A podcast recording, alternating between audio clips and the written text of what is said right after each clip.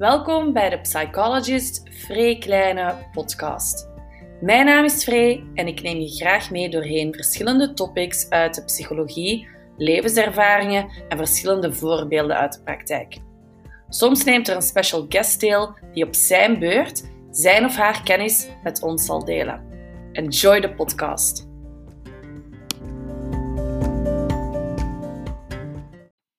Hi lieve mensen. Het is alweer een tijdje geleden dat ik nog een podcast heb opgenomen. Dus ik dacht, let's go, let's do it. Uh, ik ga er een nieuwe opnemen. Um, en ik had een fijn uh, onderwerp wel voor vandaag. En dat gaat over um, de taboe die er nog vaak heerst rond mentale gezondheid. Dat is eigenlijk iets wat ik op mijn Instagram-pagina ook echt wel wil aanvechten, om het zo te zeggen. Dat we toch gewoon uh, massaal gaan praten over hoe dat we ons voelen, over hoe het echt met ons gaat. En ook dat we gaan leren om voldoende bij onszelf te gaan intunen. Van hoe gaat het eigenlijk met mij? En wat heb ik nodig op dit moment? Enzovoort. Dus om gewoon de, de mentale gezondheid even normaal te maken dan onze lichamelijke gezondheid. Hoe fantastisch zou dat niet zijn? Om te zeggen tegen uw vrienden: hey, ja, ik uh, moet er vandoor, want ik ga naar mijn psycholoog. Of uh, tegen iemand zeggen die je enorm graag ziet: van oh, ik merk dat je daarmee mee worstelt. Is het is geen idee om met iemand te gaan praten daarover en te kijken uh, hoe dat je eigenlijk samen een traject kan starten om daaruit te geraken enzovoort, enzovoort. Dus dat is mijn missie uiteraard, dat ik echt wel heel fijn zou vinden dat we gewoon, uh, dat het gewoon wordt. Dus dat die taboe daar afvalt. Um, ik heb op mijn Instagram-pagina een paar polls gepost waarin dat ik verschillende vragen heb gesteld en er zijn wel interessante gegevens uitgekomen. Um, de eerste vraag die ik heb gesteld was: deel je gemakkelijk je gevoelens of deel je gemakkelijk hoe je je voelt? En 41% gaf aan: ja, ik ben daar open over. Maar 59% gaf aan: nee, ik hou dat liever voor mezelf. Dus daaruit blijkt dat eigenlijk veel mensen, nog altijd meer dan de helft, toch het niet fijn vindt of, of comfortabel vindt om te delen over hoe dat ze zich voelen. Um, een tweede vraag die ik heb gesteld was: heb je het gevoel dat je kan en mag praten over hoe dat je je voelt? Dat was 50-50, dat was wel interessant. Dus 50% zei vaak wel. En 50% zei, ja, meestal heb ik niet het gevoel dat ik kan en mag praten over uh, hoe ik me voel. En dat vond ik eigenlijk al een interessante, omdat het uh, ja, een, deels is van toch dat de mensen de neiging lijkt te hebben om, om toch nog voor zich te houden hoe ze zich voelen.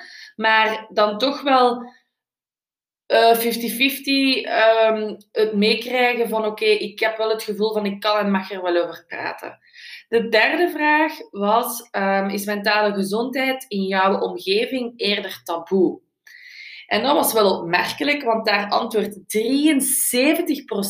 dat uh, mentale gezondheid eigenlijk wel taboe is in hun omgeving. Slechts 27% gaf aan dat het helemaal geen taboe is. Dat vond ik wel uh, opmerkelijk. Ja. En dan de laatste vraag was: hoe vaak heb jij diepgaande gesprekken met iemand anders? Daaruit bleek dat 53%, dus ook weer meer dan de helft, best weinig diepgaande gesprekken heeft met anderen. En dat 47% op regelmatige basis toch wel diepgaande gesprekken heeft. En wat mij wel opviel is eigenlijk van langs één kant uh, is er het gevoel toch wel, hè, die 50-50% van ja, ik kan en ik mag wel praten over hoe ik mij voel.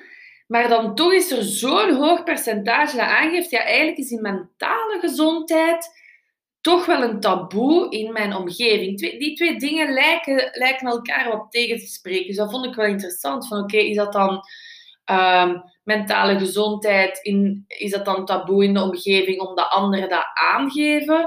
Maar dan toch weer of je net niet Want in de andere vraag gaven mensen wel aan van ja, ik kan en ik mag wel praten over hoe ik mij voel. Dus is dat dan eerder een, persoonlijke perceptie die dat er werd gegeven nog rond taboe en iets binnenin zichzelf dat u tegenhield om te praten over uh, hoe ze zich voelen. Want dat bleek dan wel uit die eerste vragen, van dat heel veel mensen toch nog wel de neiging hebben om dingen voor zichzelf te houden. Dus lijkt het dan eerder dat daar dan een band tussen zit van oké, ik heb eerder de neiging om dingen voor mezelf te houden.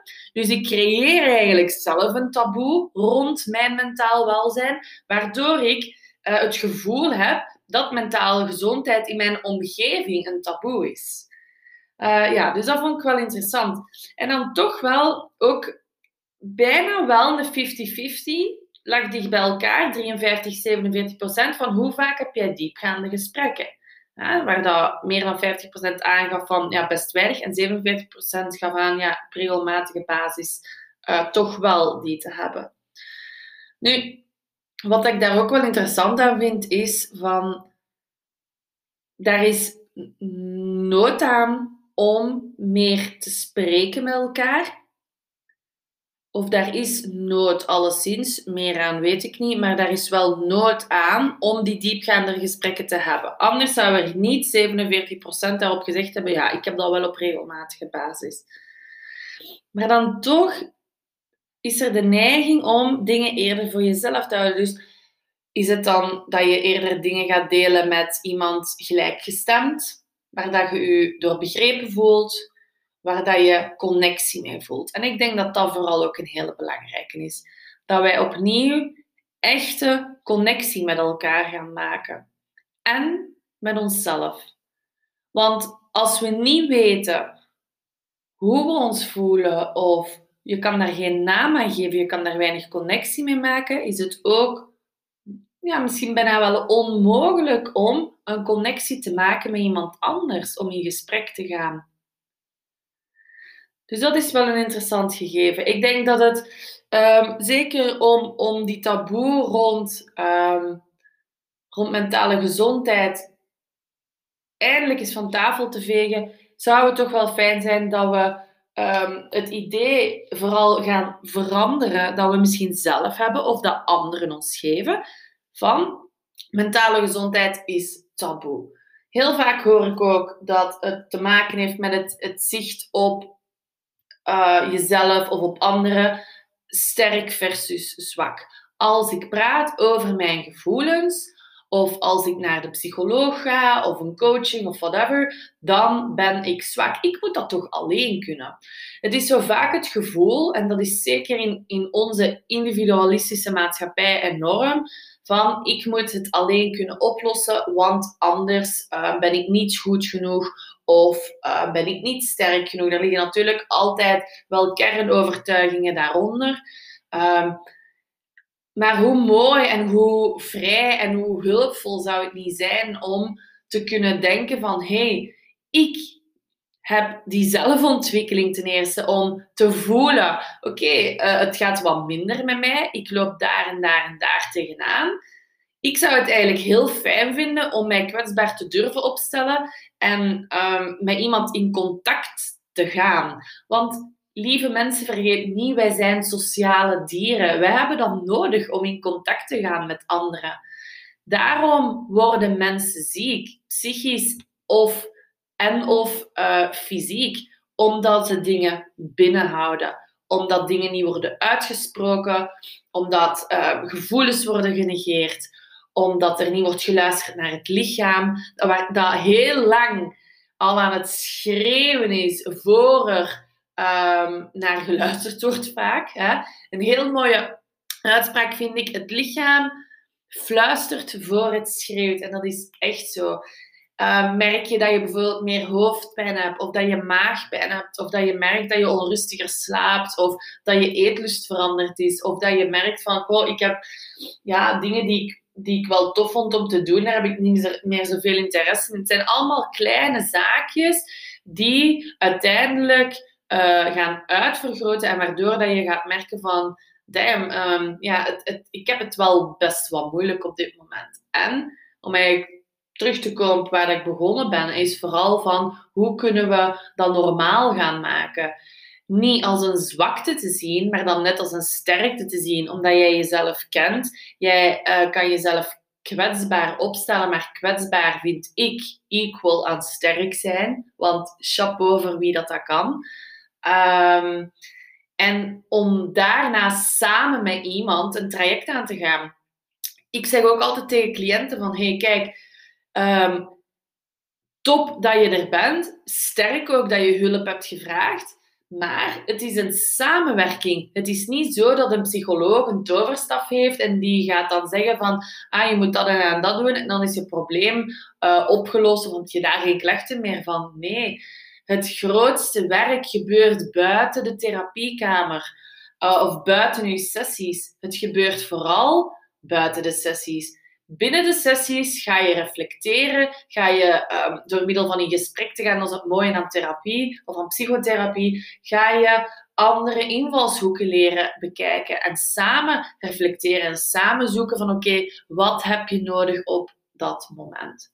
Dus lieve mensen, ik zou zeggen, vraag meer aan, aan mensen rondom u echt oprecht, hoe gaat het? En niet als in een, hey, hoe gaat het? En al doorlopend, maar echt van, hey, um, ja, hoe, hoe is bijvoorbeeld, hoe, hoe, loopt die nieuwe, hoe loopt die nieuwe job? Of hoe, hoe is de verhuis gegaan? Of hoe ging het eigenlijk tijdens die corona met die kinderen thuis enzovoort? Hoe heb jij dat ervaren? Dat zijn mooie vragen om te stellen. Hoe heb jij dat ervaren?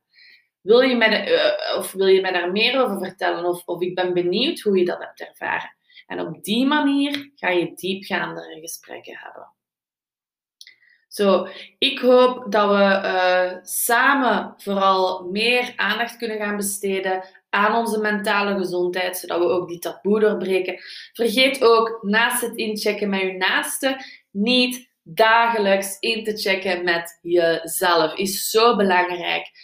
Ochtends als je wakker wordt, s'avonds als je gaat slapen, maak er een ritueel van en ga inchecken. Ga kijken van, hey, hoe, hoe is mijn dag geweest? Um, hoe voel ik mij op dit moment en wat heb ik nodig?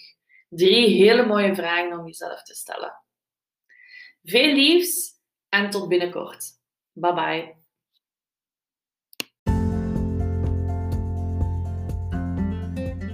Fijn dat je weer luisterde naar de Psychologist Vrij Kleine podcast.